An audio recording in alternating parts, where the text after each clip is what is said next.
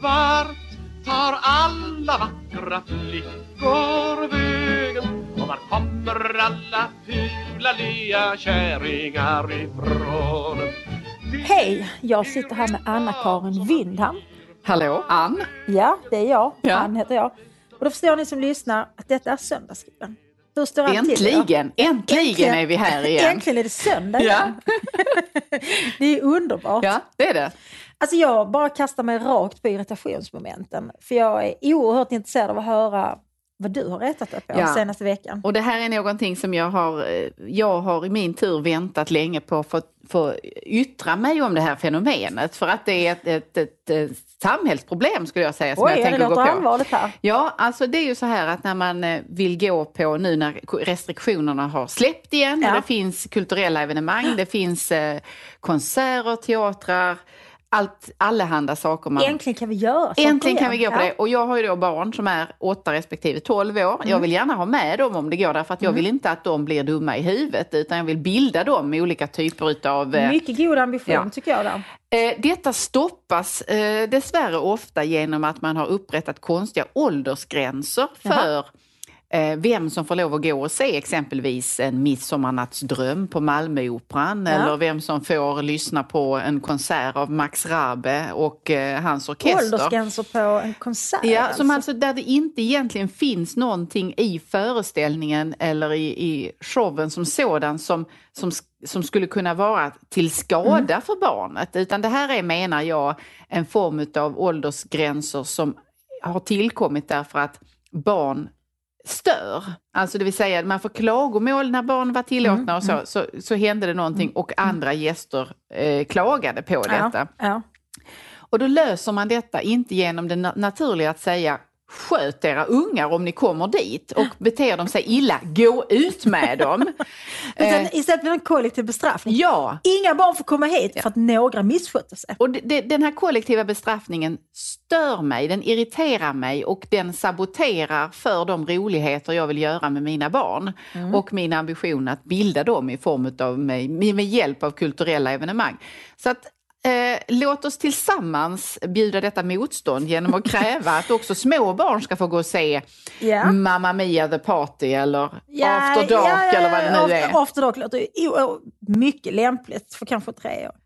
Men jag tycker det. Jag var så Jan Malmsjö på Kronprinsen i Malmö när jag var typ 9-10 år med Ja. mina föräldrar och eh, det mådde jag mycket bra Det var av. karaktärsdag. Ja, Kronprinsen i Malmö är ju för övrigt eh, en Eh, spännande ett plats. spännande etablissemang. Ja, det skulle vi kunna Ja. ha ett, ett specialprogram om.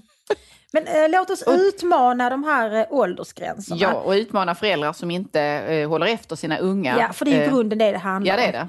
det. Eh, Så att liksom straffa de som inte sköter sig, men inga kollektiva bestraffningar. Nej. Mm. Ann, vad har du retat dig på särskilt i veckan? Ja, alltså jag, jag är lite tveksam om jag ska säga detta, men jag kan fan inte låta bli. Mm. Jag har retat mig så jävla mycket på Emma Frans. Ja, det Ja. händer att jag gör det också, får jag väl erkänna. Alltså så här, egentligen så är jag emot att sitta liksom och, och irritera mig på enskilda namngivna personer. Men denna människa är överallt. Mm. Och hon tycks kunna allting. Och det Och det kan hon och hon Agnes inte. Wold. Hon och Agnes Wold kan allting. Mm. Emma Frans och Agnes Wold, de är experter på allt. Ja. Och det är inte trovärdigt.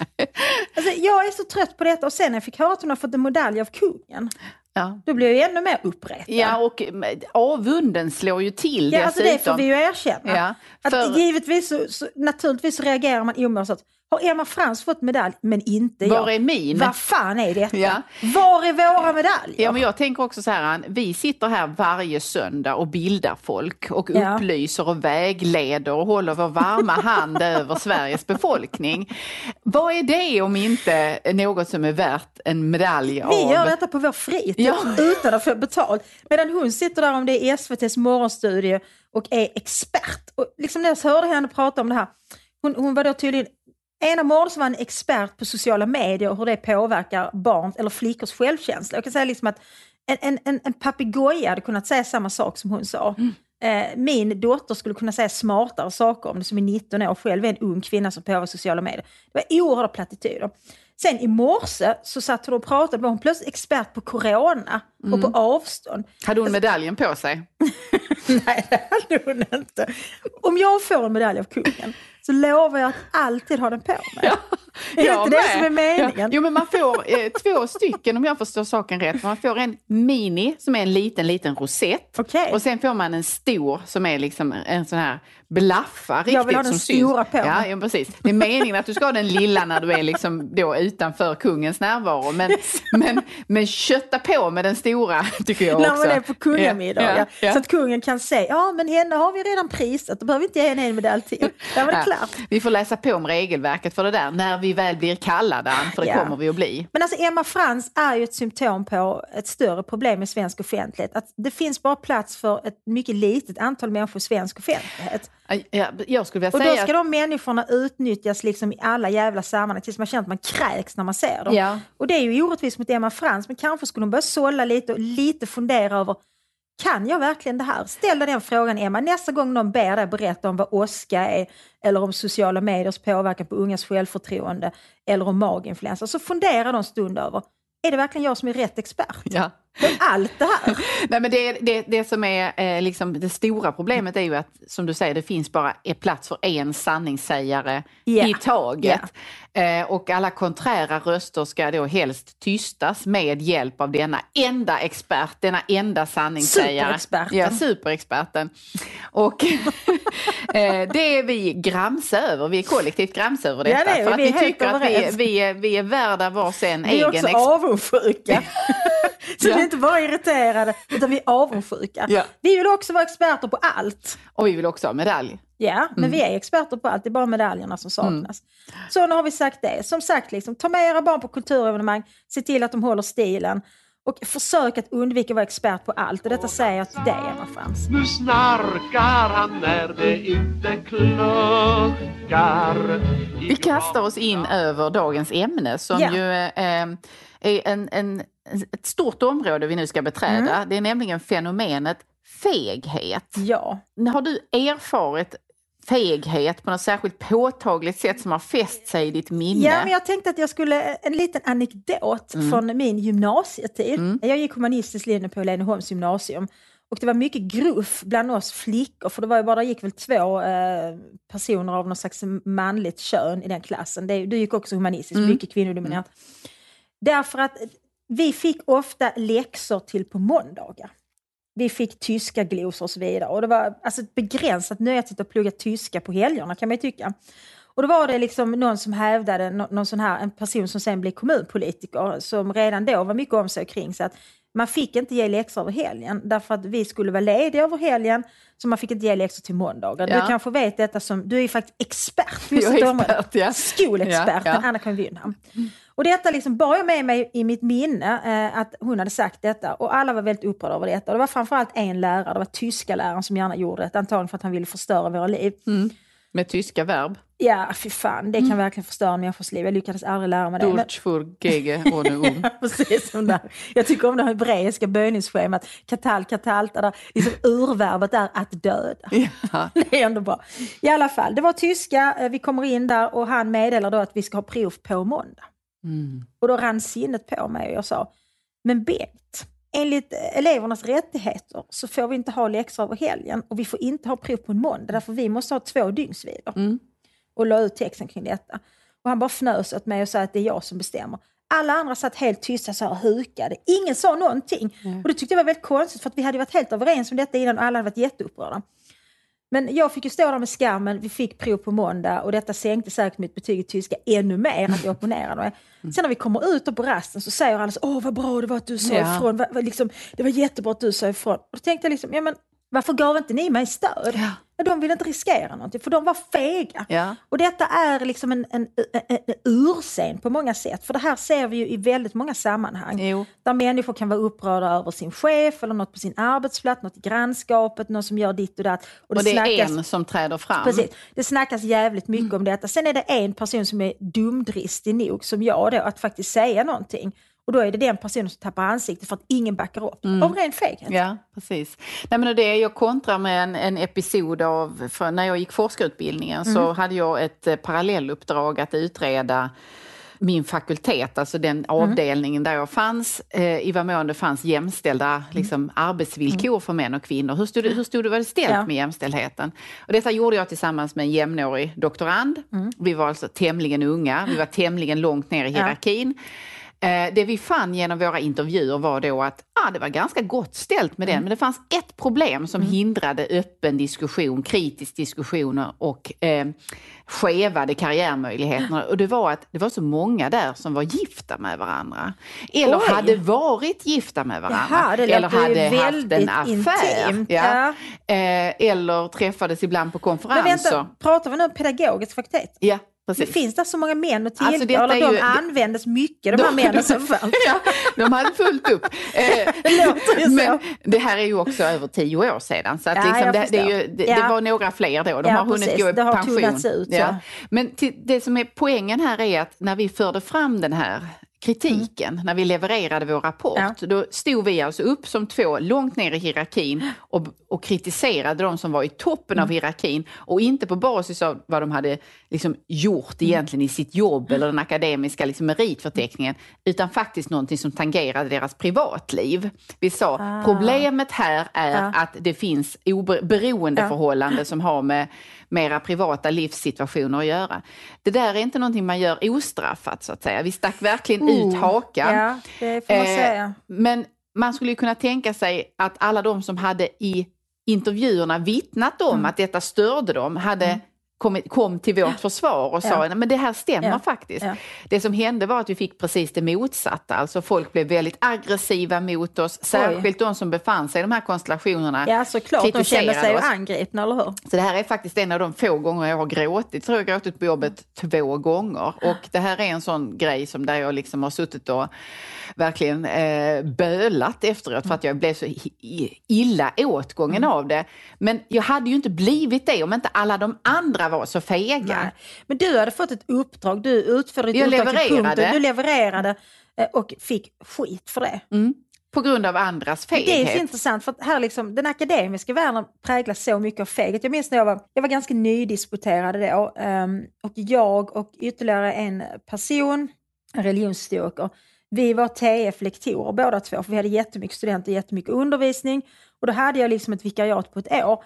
Sen så fick vi då ekonomiska problem på institutionen, det är ju alltid problem med pengar överallt. Så hade vi ett stormöte och då skriver prefekten bara upp på tavlan att eh, alla TF-lektorer får gå. Mhm. Och det var ingen som hade sagt det till varken mig eller den här eh, manliga religionshistorikern.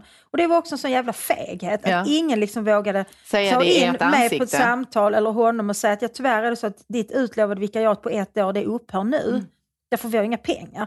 Utan man tog det på det stormötet. Jag kände verkligen, det är nu faktiskt eh, en av de få gånger jag gråtit på min arbetsplats. För så, ja, det var som att liksom, marken bara öppnades under mina fötter. Liksom, jag visste inte vad jag skulle ta vägen. Dels kände jag mig oerhört liksom, chikanerad på Mm, något vis. mm. Men sen så försvann ju min försörjning. Ja. Och det är inte så jävla lätt att, att få jobb som, som teolog. Det är inte så att liksom, Nej. marknaden skriker Nej, efter disputerade teologer. Nej, precis. Så det, det var en sån feghet. Att, och den fegheten handlar nog om, för feghet kan handla om olika saker, men jag tror att den fegheten handlar om alltså rädslan att göra människor besvikna. Ja. Och det är en väldigt vanlig form av feghet. Ja, alltså jag skulle vilja säga att feghet är också ofta sprungen, alltså den kan ha, handla om en strategi. Mm. Alltså som jag ser det, inte med din initiala anekdot här från gymnasieskolan, Nej. för jag tror inte att det är en strategi, det är inte strategi, det är, ren, det är rädsla. Det är liksom. instinkt, Det är- ja, rädsla. precis. Ja. Men, medan det vi, exemplen från akademin Mm. här, Där, där handlar det om att man har en strategi, man tänker att, att vi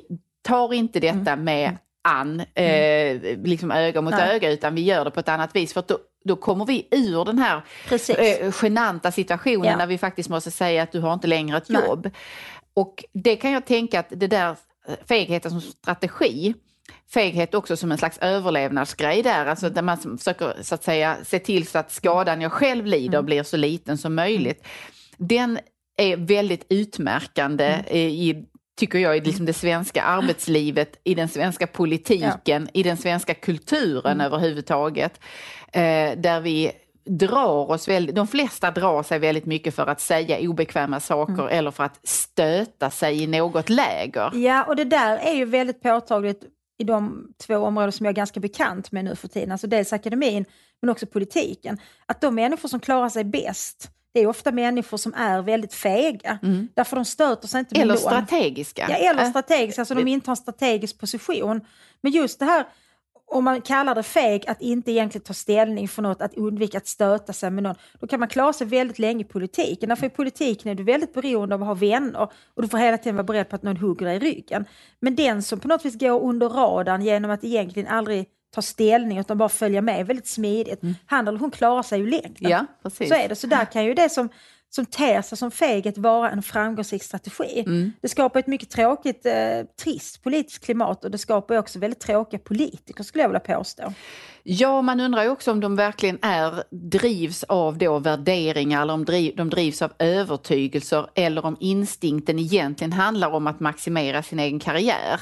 Ja. Eh, och att det är det som är så att säga eh, den avgörande och styrande faktorn för de eventuella utspel man gör eller inte. Och jag tänker mig att om man är politiker att, man, att det, det måste också finnas som en drivkraft, att man på något sätt har en, en till en viss del handlar det om att man vill nå toppen i partiet Ja. eller man vill maximera på ett eller annat sätt. Men är man de här värderings, alltså kampviljan Mm. förutan i övrigt alltså, och feg i de frågorna så tycker jag att då är det, liksom, det är en, en snabb politiker som bara Alltså jag, där jag bara vill äh, Jo, men jag tänker ändå vända att bort det, det är de blicken. som klarar sig bäst. Jag, jag tror att både du och jag har erfarenhet av det här att, att man publicerar en text eh, om någonting som är vad som då brukar kallas kontroversiellt eller lite obekvämt. Och då kan man få massvis med meddelande liksom, och mejl och sådär.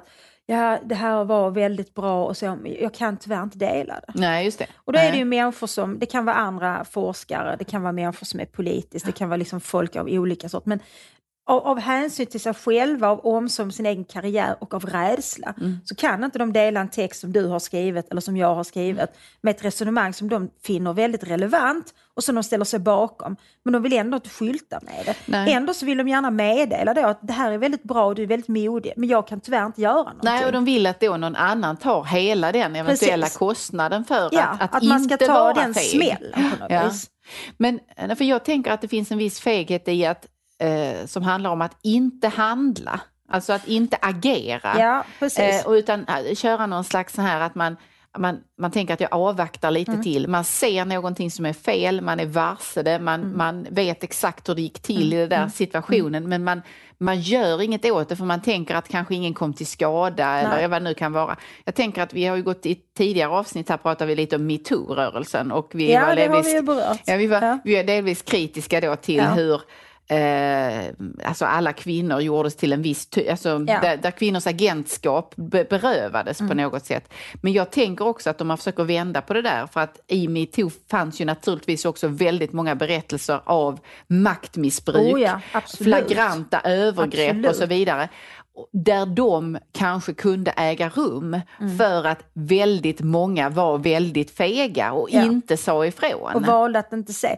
Alltså det, det du talar om det, det är ju en beskrivning av det som Jonathan Glover kallar för åskådare. Alltså Jonathan Glover, eh, filosof eh, som har intresserat sig för ondska i väldigt hög utsträckning, ondska och kränkningar.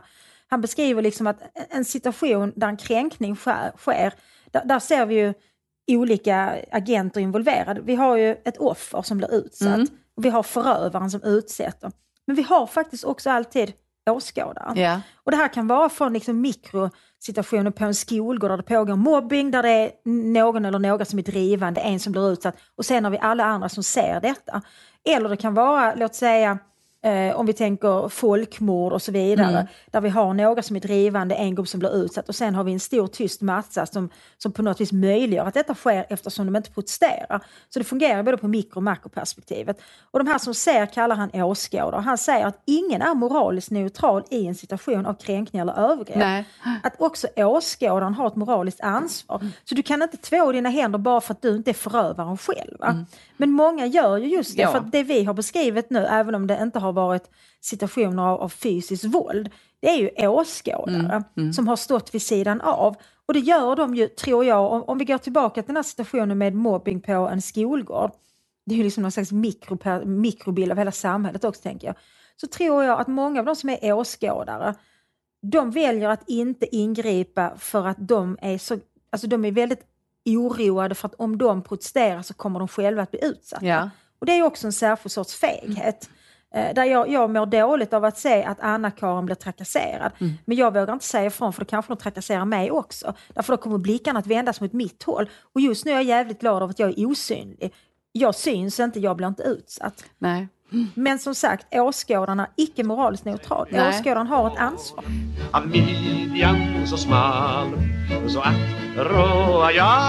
Men jag vill ta en, ett exempel på em, en feghet som verkligen har provocerat mig under de egentligen senaste vad ska jag säga, ett och ett halvt, nästan två åren snart. Ja. Alltså när Genusdoktrinen, boken som jag skrev tillsammans med Ivar Arpi, kom Mm, ut, då var en förhoppning vi hade att vi faktiskt också skulle få till debatter med Ja. dem som vi kritiserar. Bland Ja, annat och det är då- väl ganska rimligt att tänka sig att de skulle vilja gå i polemik Ja, vi, vi, vi kritiserar ju alltså myndighetspersoner, Ja. Mm. eh, eh, chefer vid eh, våra lärosäten, rektorer och så vidare, generaldirektörer, Mm. ministrar.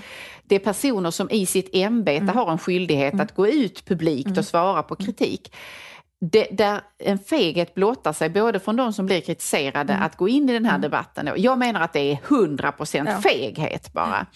Eh, men, men där det också finns en feghet från journalistkåren i att att så att säga betrak- gå in i detta och kanske elda på för att Ja. få då den sidan som blir kritiserad att faktiskt träda fram och Ja, svara att på reagera och kritiken. faktiskt ge någon slags gensvar på det som ni påstår. Istället så har man ju velat bara marginalisera er, Ja, eller hur? och man förfelar ju på något sätt sitt, liksom det ämbete man uppbär och den Ja. skyldighet som medföljer där, där jag kan tycka att där blir någon slags institutionaliserad feghet Mm. av det istället. Men det är så intressant för att under, jag vet faktiskt inte hur det står till med det, för jag blir inte inbjuden till så många debatter längre, men under en ganska lång period så var det så här att att människor vägrade då, alltså människor på vänstersidan vägrade att debattera med vissa debattörer. Som att, och då kunde man skryta om det på Twitter, så att jag studerat ringde och ville att jag skulle debattera med Ann Heblen. Jag sa nej, jag vägrar debattera. Jag vill inte legitimera hennes åsikter. Och jag tycker det är så konstigt, för att inte fan legitimerar jag eh, America Vera Savalas åsikter för att jag stod och debatterade med henne på bokmässan. Tvärtom så vill jag visa henne att du har fel America Vera Zavala. Ja. Du har alltid fel och du har extra fel idag. Det är vad jag Jo. vill berätta. Genom att säga att nej, jag tänker inte debattera med henne, då vinner jag ju ingenting. Nej. Men inte liksom legitimerar jag hennes konstiga liksom, socialistiska islamistkramande genom att jag står där och pratar med henne och säger att det här är ju fel. Tvärtom nej, tycker jag. Precis. Och du hedrar ju dessutom den öppna debatten, den Precis. fria debatten Precis. och att vi ska åtnjuta eh, yttrandefrihet Ja. eh, i det här landet. Och Ja. det, det, det, jag ser ju den här typen av institutionaliserad feghet då, där man vägrar och där man säger att jag vill inte legitimera dig. De är ju ett, ett, ett hot mot eh, något av det finaste vi har. Ja, men samtidigt så gör de ju detta för att de tycker själva att de är väldigt moraliskt högstående och att det är ett tecken på mod att de säger nej, jag tänker inte prata med Anna-Karin Windham i Studio 1. Nej. Jag vill inte legitimera hennes åsikter. Mm. Det är bara, jag tänker ofta att det faktiskt är för att de, de har inga särskilt starka argument. Nej. Eh, och vänstern är ju dåliga på att, att argumentera, därför under väldigt lång tid har de ju vunnit på walkover mer eller mindre. De har vunnit genom att gå in och säga att jag är god och du är ond och sen dör debatten. Mm, Jag hoppas att tiden är förbi när det fungerar. Därför är det ett mycket fegt och dumt sätt att argumentera, Ja, måste jag säga. Men en, en person vars mod, om man ser det som liksom kontrasten här då, är, eh, jag verkligen beundrade och som var viktig för mig för att jag skulle våga Mm. mer, det var när Jordan B. Peterson började göra det han gjorde med Ja. vara den här Professor Against Political Correctness och började lägga ut filmer där han Mm. resonerade kritiskt då om de förändringar Ja. som eh, vissa lagförändringar eh, föreslog i Kanada. Det handlar om det här med pronomen och påtvingat pronomen Jag eller minns det vad. mycket väl. Och det- det- en sån formulering i någon av de första filmerna han lägger ut handlar just om att han säger så här att jag inser att med den här videon Mm. så riskerar jag mitt arbete. Jag kan mycket väl bli av med min, min tjänst, Ja. Mm. min försörjning genom att göra det här. Men det är så viktigt för mig. Det här är så viktigt Mm. för samhället vi lever i så jag kommer att sätta det på spel. Mm. Och just den där att man sätter saker på spel är tyvärr ovanligt. Mm. Jag menar det är synnerligen ovanligt skulle jag säga i Sverige där fegheten är snarare då en, en eh, Jo, karaktärsdrag hos... Alltså jag, jag har ju förlorat en hel del på att driva eller lyfta frågor som inte betraktades som möjliga att prata om i någon mening eller som betraktades som obekväma. Men jag var inte medveten om att jag riskerade någonting. Hade jag varit medveten om vad jag riskerade så är jag inte säker på att jag hade drivit dem faktiskt. Utan jag drev nog de frågorna och skrev mina texter och resonerade utifrån någon slags idé om att jag hade en plikt. Mm. Det är min plikt att berätta det här. Eh, Men att, att, att förlusten skulle bli så stor, det kunde jag inte föreställa mig. Men som du säger, att i det land vi lever i så riskerar vi ju inte att hamna i fängelse, vi riskerar inte dödsstraff, vi riskerar inte tortyr för att vi, för att vi ifrågasätter eller driver frågor som är obekväma. Men däremot riskerar vi vårt anseende, vi riskerar vår försörjning. Ungefär som Jordan B. Peterson. Ja. För menar, det är klart att ingen kastar honom i en fängelsehåla någonstans. Men han blev oerhört hårt attackerad. Och han fick också mycket riktigt en varning. Ja. Eh, precis det som man Ja. befarade inträffade ju senare. Eh, sen så blev han inte av med sin tjänst men han har ju, och det finns ju en serie akademiker i Kanada, i USA och i, i Storbritannien som har blivit av med sina så att säga, positioner och försörjningar för att de har gått emot konsensus och gått emot de här aktivistiska studenterna. Och så, Ja. så att vi ser ju ändå att feghet premieras och eh, mod av det slaget som han visade och som många andra har visat som har gått emot det bestraffas. Jo, men så är det. Jag tänker, eh, Lars Vilks dog ju mycket tragiskt för inte så länge sedan i en trafikolycka. Och efter det så har ju diskussionen, eh, liksom diskussionens svallvågor gått höga kring ja, allt möjligt, men bland annat kring vad man ska göra med hans eh, konstverk. Och då så, så känns det naturligt då, en del har drivit då att eh, rondellhunden, vad heter nu, alltså jag tror titeln är Profeten M porträtterad som rondellhund, något sånt är det. Eh, att den ska hamna på Moderna Museet med motiveringen att man tycker att det här är ett verk som har påverkat både den offentliga debatten och debatten i konstvärlden och så vidare på olika sätt. Då gick eh, Moderna Museets intendent Gitte Örsko ut med en, en eh, ganska stor artikel eh, för ett tag sedan där hon förklarade att detta icke kommer att ske. Och då motiverar hon det genom att påstå att det här inte är bra konst och att det faktum att, att verket har väckt debatt är inte tecken på kvalitet. Nej, och att han är polariserande, Ja, han var polariserande och så vidare. Jag tror att det riktiga skälet till att Moderna Museet inte vill ha eh, hans verk där, det är att det skulle utsätta Moderna Museet för fara. Ja. Alltså att härbärgera ett verk som har lett till att en människa fick leva med en fatwa över sitt huvud och leva oerhört ofri, alltså väldigt mycket beskuret liv under många, många år. Så herregud, det är nästan 20 år nu. Det är klart att det skulle innebära att Moderna Museet skulle behöva lägga stora kostnader på att stärka säkerheten. Deras verksamhet skulle för all framtid, eller för en väldigt lång Ja. framtid förändras. Ja. Eh, och det skulle vara en annan sak att besöka. Det skulle vara svårare att besöka, Ja. det skulle vara problem för personal. Så Då tycker jag att hon ska säga det. Därför jag tror att det är det det handlar om.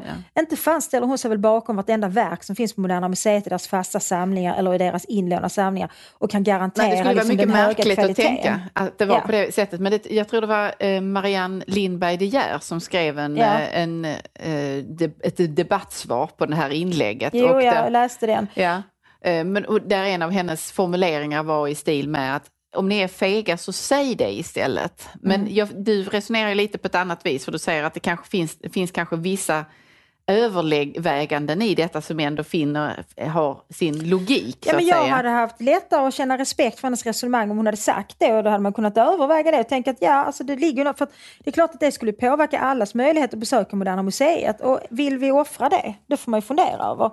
Ehm, Ja. Sen så är det också intressant att se nu hur, hur, hur värderingen av Lars Vilks konstnärskap och hans gärning nu på något vis ändras i och med hans död. Ja, den går genomgång, ger, genomgår en Ja. stor Nu ska omvandling. jag ärligt säga att jag har inte varit odelat positiv Nej. till det. Eh, och detta har jag ju fått äta upp nu, jag tror det var liksom så länge sedan som 2008 eller någonting, där jag skrev i någon text i Kyrkans Tidning. Eh, jag tycker så här, att yttrandefrihet innebär att du får lov att kränka och provocera, men du behöver inte göra det. Nej, men det, men, Med, med hänvisning till just rondellhunden. Men om man tittar Men det innebär inte att jag tycker det är rätt att liksom hota honom med, med mord. Men Nej. däremot tycker jag att man kan väl fundera över hur man använder sin frihet lite. Det, det kan man göra, men man kan Ja. också tänka så här att det Moderna Museet skulle sätta på spel genom Ja. att ta in den. Insatsen där skulle inte bli, vara så hög om väldigt många institutioner på samma gång hade valt att Precis, göra en publicering precis, eller en, och vi har, vi har väl, det finns en räcka eh, mäktiga och med internationell Mm. räckvidd institutioner i Sverige som skulle kunna göra detta. Man skulle kunna göra det som en nordisk grej också. Ja. Och då hade eh, man så att säga förtagit tror jag, kraften i Mm. hotet och i, eh, man hade också gjort att djärvheten hos den som går först, den behöver inte vara lika stor så att Nej. säga. Och det är ju ett, ett, ett Det är resonemang. ett ynkedom tycker jag Ja, faktiskt att man inte har gjort det. Ja, för det är ju ett resonemang som har återkommit hos ganska många som har skrivit om det hela nu efter Lars Vilks död. Och man menar att konstvärlden svek Lars Vilks. Konstvärlden hade kunnat ställa upp på ett annat sätt men, men det blev ju så att det var ingen som vågade ställa ut och då blev han ju mer och mer marginaliserad Mm. och han blev på något vis mer och mer pestsmittad. Och hotet blev ju svårare och svårare att bära. Men, men om man som du säger hade avdramatiserat det hela genom att väldigt många faktiskt Ja. hade ställt ut, då hade det ju urvattnat så Ja. småningom. Men, men, men sen tror jag också att för att i det här eh, liksom postvilksresonemanget då så ligger det ju också på något sätt som om han hade att han från början hela tiden kalkylerade på att detta var en oerhört modig handling eller att det priset som han fick betala skulle Ja. finnas i kalkylen. Jag tänker så här att de riktigt stora modiga handlingarna Mm. det är kanske inte alltid så att man förstår modet i dem. De, det, det visar sig inte förrän Nej, efter, när tid har eh, gått och när de här sakerna som sker Mm. därefter kickar in och man ser hur blev det egentligen? Då, då förstår man du satte verkligen mycket på spel med dig Ja. själv och i ditt liv eller i vad du hade så att säga byggt upp när du gjorde detta. Och det tror jag egentligen är då där, där i ligger det verkliga modet eller den verkliga antifegheten om man ser det så. För så, så det fort, oreflekterade modet. Ja, precis. Ja. För att så fort du börjar kalkylera på detta med risker och liknande, då, då har du ju öppnat dörren till att du väljer den fega varianten. ja, men det är då, va? sant. Det är sant. Ehm, Jag, jag, jag, jag träffade Lars Vilks några gånger. Jag kan inte påstå att jag kände honom närmare. Jag kände honom en smula. Jag träffade honom första gången två år innan Rondellhunden faktiskt. För min avhandling kom på tale så han hade precis skrivit en bok om konstteori som gavs ut på Daidalos som var systerförlag. Så vi delade monter på bokmässan. Eh, och han satt där i en soffa och var en ganska liksom han, han är en otroligt bildad person som också är väldigt rolig, eller var, förlåt. Han hade en, en, en väldigt speciell humor. Eh, han var jag uppfattade honom som väldigt lekfull. Så jag tror att den här liksom Mohammed eh, rondellhundsverket, det var, ju en, det var ju en lek för honom. Jag har mycket svårt att tänka mig att det var en kalkylerad provokation. mm. Sen så träffade jag honom några gånger nu under de åren hemma hos gemensamma vänner när han levde under, under ständig bevakning. Eh, och han, han, han behöll ju sin humor, han kunde ju skoja om den här tillvaron han levde i faktiskt. Han har ju väldigt självdistans. Men att det skulle varit en medveten provokation som många ville göra det till, det tror jag faktiskt Nej. inte att det var. Men som jag sa inledningsvis, jag var inte odelat positiv till det. Nej. eh, Så. Men däremot så, så tycker jag att givetvis att han har rätt att göra det. Och framförallt ha- hade han rätt att, att göra det här verket utan att bli utsatt för ett dödshot. Mm. Men jag tror att det som är, eh, kommer bli efterdyningen av det är kanske inte hans mod, om det nu var det eller inte, utan det är den feghet som jag menar det är faktiskt. Det, för, det är Ja. fe, för mig är det feghet Ja. att så att säga så många institutioner, så många sammanhang svek i att kunna stå upp för Ja. rätten att använda yttrandefriheten. Och sen så kan man ju hålla Ja. isär de diskussionerna då. Om det var, har blivit en madam med skunk bak och fram eh, apropå detta, kan man tänka så här att feghet eller mod i, i kontrast, att det har ändrat karaktär genom att vi har sociala medier och av att den här eh, liksom hetsen av att publicera sig eller att göra saker publikt, även det som sker i det, liksom i det intima, Ja. i det fördolda egentligen, alltså i, det, i den privata sfären. Också sådana saker där, där man då i sin vilja att exponera sig själv söker bekräftelse för någonting som då kan synas modigt eller djärvt eller något liknande. När det kanske egentligen är, handlar om att då få bekräftelse för att man tillhör en viss grupp eller att man är, förstår du hur jag menar? Ja, men det, det handlar ju om att alltså väldigt mycket av den moderna människans eh, drift handlar om att, att konstruera sig själv på olika sätt. Och i den här konstruktionen, alltså konstruerandet av det egna jaget, så spelar sociala medier en oerhört viktig roll. Därför det är där vi på något vis tycker att vi manifesterar oss själva och visar för omvärlden vem vi är och i någon mening naturligtvis också visar oss själva. Därför att när vi berättar om oss själva för varandra eh, då berättar vi det för oss själva också. Vi blir till i den andres blick för oss själva också. Så mycket av det här som då ska vara ett tecken på, på mod, det är ju en kalkylerad handling för att framställa mig så god dag som möjligt. tänker jag. Och mycket av det som betraktas som, jag menar hur modigt var det av alla de här kvinnorna att gå ut med knytblusar egentligen?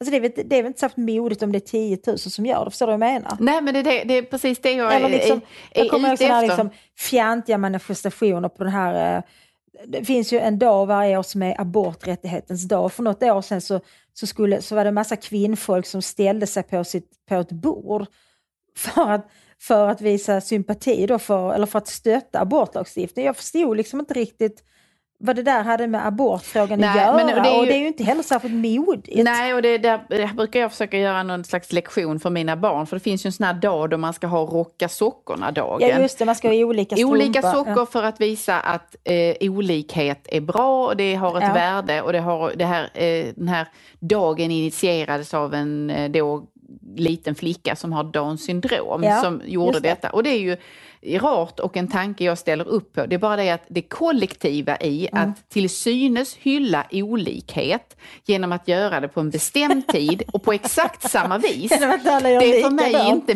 mod. Det blir lite kontraproduktivt. Det, det är ett flockbeteende istället. Så då, då har jag sagt till mina barn från det att de gick i förskolan fram till nu att ni rockar era sockor den dagen alla andra har jämna par istället. Mycket och, bra. Och, och det, för jag tycker att det är liksom den viktiga poängen är ju snarare att klara Mm. av att gå emot i ett läge när, när alla säger nu går vi i grupp ditåt. Ja, men du är, du är inne på något intressant. Därför jag tänker att det som, som både du och jag uppfattar som feghet, det är ju också nästan synonymt med flockbeteende. Ja. Och då kan man ju fundera över, alltså det här flockbeteendet, det är också en, en ganska rationell överlevnadsstrategi naturligtvis. Ja, men, men, att tillhöra men, flocken, att inte bryta med flockens normer och förväntningar, så att man inte blir utesluten. Nej, men Därför, den, eh, problemet är ju att den ofta flashas eller affischeras så att säga som ett slags mod. Ja, Och men det, är det ju inte. Nej, det är ju en rationell överlevnadsstrategi. följsamhet, Det konform. Exakt, följsamhet. Alltså när man tänker på alltså, överlevnadsstrategi så kan man säga liksom att egoism är ju ingen bra sak därför att vi behöver alla vänner på något vis och den som är egoistisk kommer att bli helt ensam så småningom får ingen gilla en egoistisk människa. Mm. Men altruism är inte heller en bra överlevnadsstrategi. Därför den som är altruistisk i den meningen att man, man, liksom, man, man gör allt för den andra utan att förvänta sig något i gengäld, den människan kommer att exploateras och gå under. Så liksom den bästa överlevnadsstrategin det är ju reciprocitet och det är ju detsamma som samarbete. Och man kan tänka sig att det här flockbeteendet är en form av reciprokt samarbete om du förstår hur jag menar. Ja. Mm, mm. Men samtidigt så vi behöver vi ju de som, som bryter sig ur flocken och säger något annat och rockar sockorna en annan dag. Det är, fakt- det är nödvändigt Ja. för, för samhällets utveckling. Ja, precis. det är också intressant det här flockbeteendet. Sverige är ju ändå på många sätt en konsensuskultur, Mm. även om det kanske finns två konsensuskulturer idag, minst. Men plötsligt så byter alla åsikt samtidigt Ja. och det är ju så tydligt i politikens värld och det gör mig både häpen och lite äcklad faktiskt. Ja. Att det går så snabbt, att det aldrig är någon som funderar på att ja okej, för ett år sedan så sa jag att eh, de som vill ha en reglerad migrationspolitik är rasister. Mm. Idag så tycker jag det. Eh, men jag behöver inte fundera över varför jag bytte, och jag behöver framförallt inte berätta för mina väljare varför jag bytte uppfattning. Nej, nej, och det är en särskild sorts feghet, en intellektuell feghet Fast som jag, jag, föraktar. ja, jag undrar om inte det där också är en, ett uttryck för när man tror sig leda flocken. Det vill säga, om jag, om Ah. jag, när jag gör den här positionsförflyttningen då tror jag att jag får med mig, alltså att jag får mina, min, mitt Ja. gäng följer med mig och därför Ja. behöver jag inte motivera eller jag behöver inte lägga ut texten om, om eller göra någon eh, bot för Nej, att jag hade nej. fel tidigare. Men, men samtidigt, just det här exemplet, om, om vi tar liksom synen på migrationspolitik i svensk politik, då är det ju inte politikerna som har lett flocken, jag skulle säga att det är flocken i form av folket som har tvingat politikerna Ja. att byta uppfattning. Därför otaliga opinionsundersökningar visar ju att i den här frågan så tycker svenska folket något annat än vad politikerna Ja. tycker. Ja, Och det- det finns ju andra sådana Nej, frågor. precis. Jag tror det är eh, statsvetare Peter Esaiasson i Göteborg Precis, som har har skrivit tittat om detta, detta. och eh, som har gjort mycket tydligt med solida undersökningar att den migrationspolitik man förde i Sverige under mycket lång tid fanns det aldrig något folkligt stöd för. Nej, och det är intressant. Det finns ju andra sådana frågor som tiggeriförbudet är också en sån fråga där en majoritet av befolkningen har velat ha tiggeriförbud. Mm. Medan en majoritet av våra politiker har sagt nej. Och jag tycker det är så intressant att fundera över, då har de ju en uppfattning om sig själva. De är ju då, de är folkvalda. Och det innebär att de ska företräda folkets vilja men de ska samtidigt normera vad som är rätt och riktigt. Ja. Därför de ska vara lite bättre än vi andra. Mm, Eh, och då på något vis vara föredöme på olika sätt. Men det finns en sån där feltramp tycker jag ibland när man hör folk säga eh, att politiken ska vara evidensbaserad. Jag tycker det är ett mycket konstigt påstående. Ja, därför det, att, vet man vad evidensbaserat Nej, det, kan, det, det, det, det, så, det här är certifierad politik, vi vet att den funkar.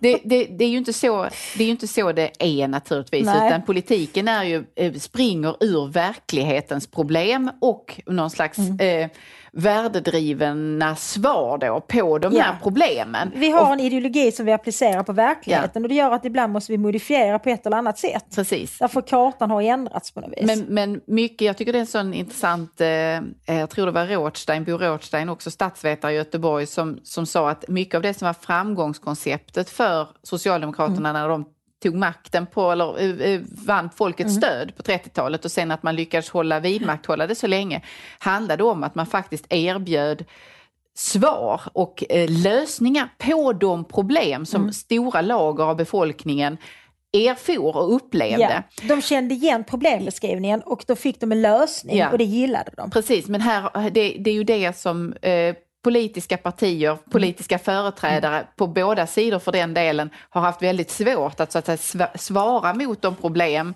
som eh, befolkningen uttrycker och de önskningar som befolkningen Ja. också uttrycker genom hur de röstar.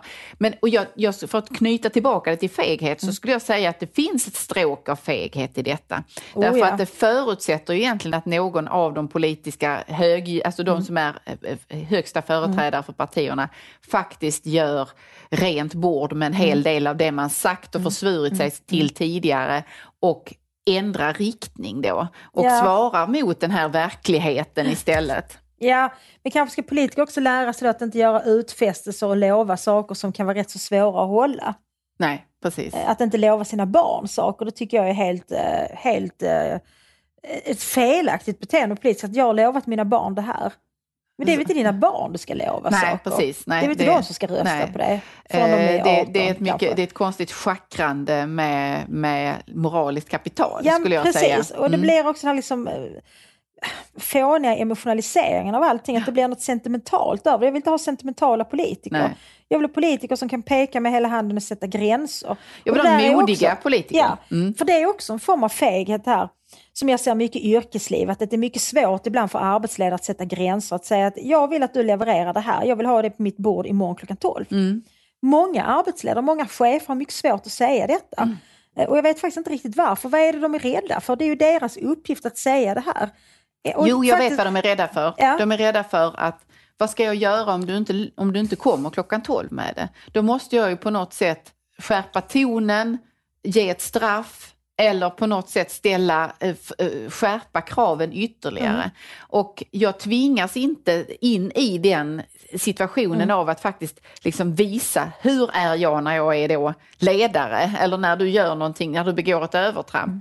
Utan då kan jag istället säga okej, nej men du hann inte till klockan 12 men då tar vi det imorgon klockan 12 då skulle du klara Ja, ja. ut det. Man är helt enkelt rädd för att, för att eh, någon ska syna korten. Ja. Det är väl lite som man, man, man säger till sina barn, om du inte städar rummet nu, Får du inga julklappar? så, Så vadå? Så vadå? Vad tycker du då? Ja. Alltså, då man måste ju ha något rimligt svar. Liksom. Om du inte städar rummet nu så blir det inget godis på lördag. Ja.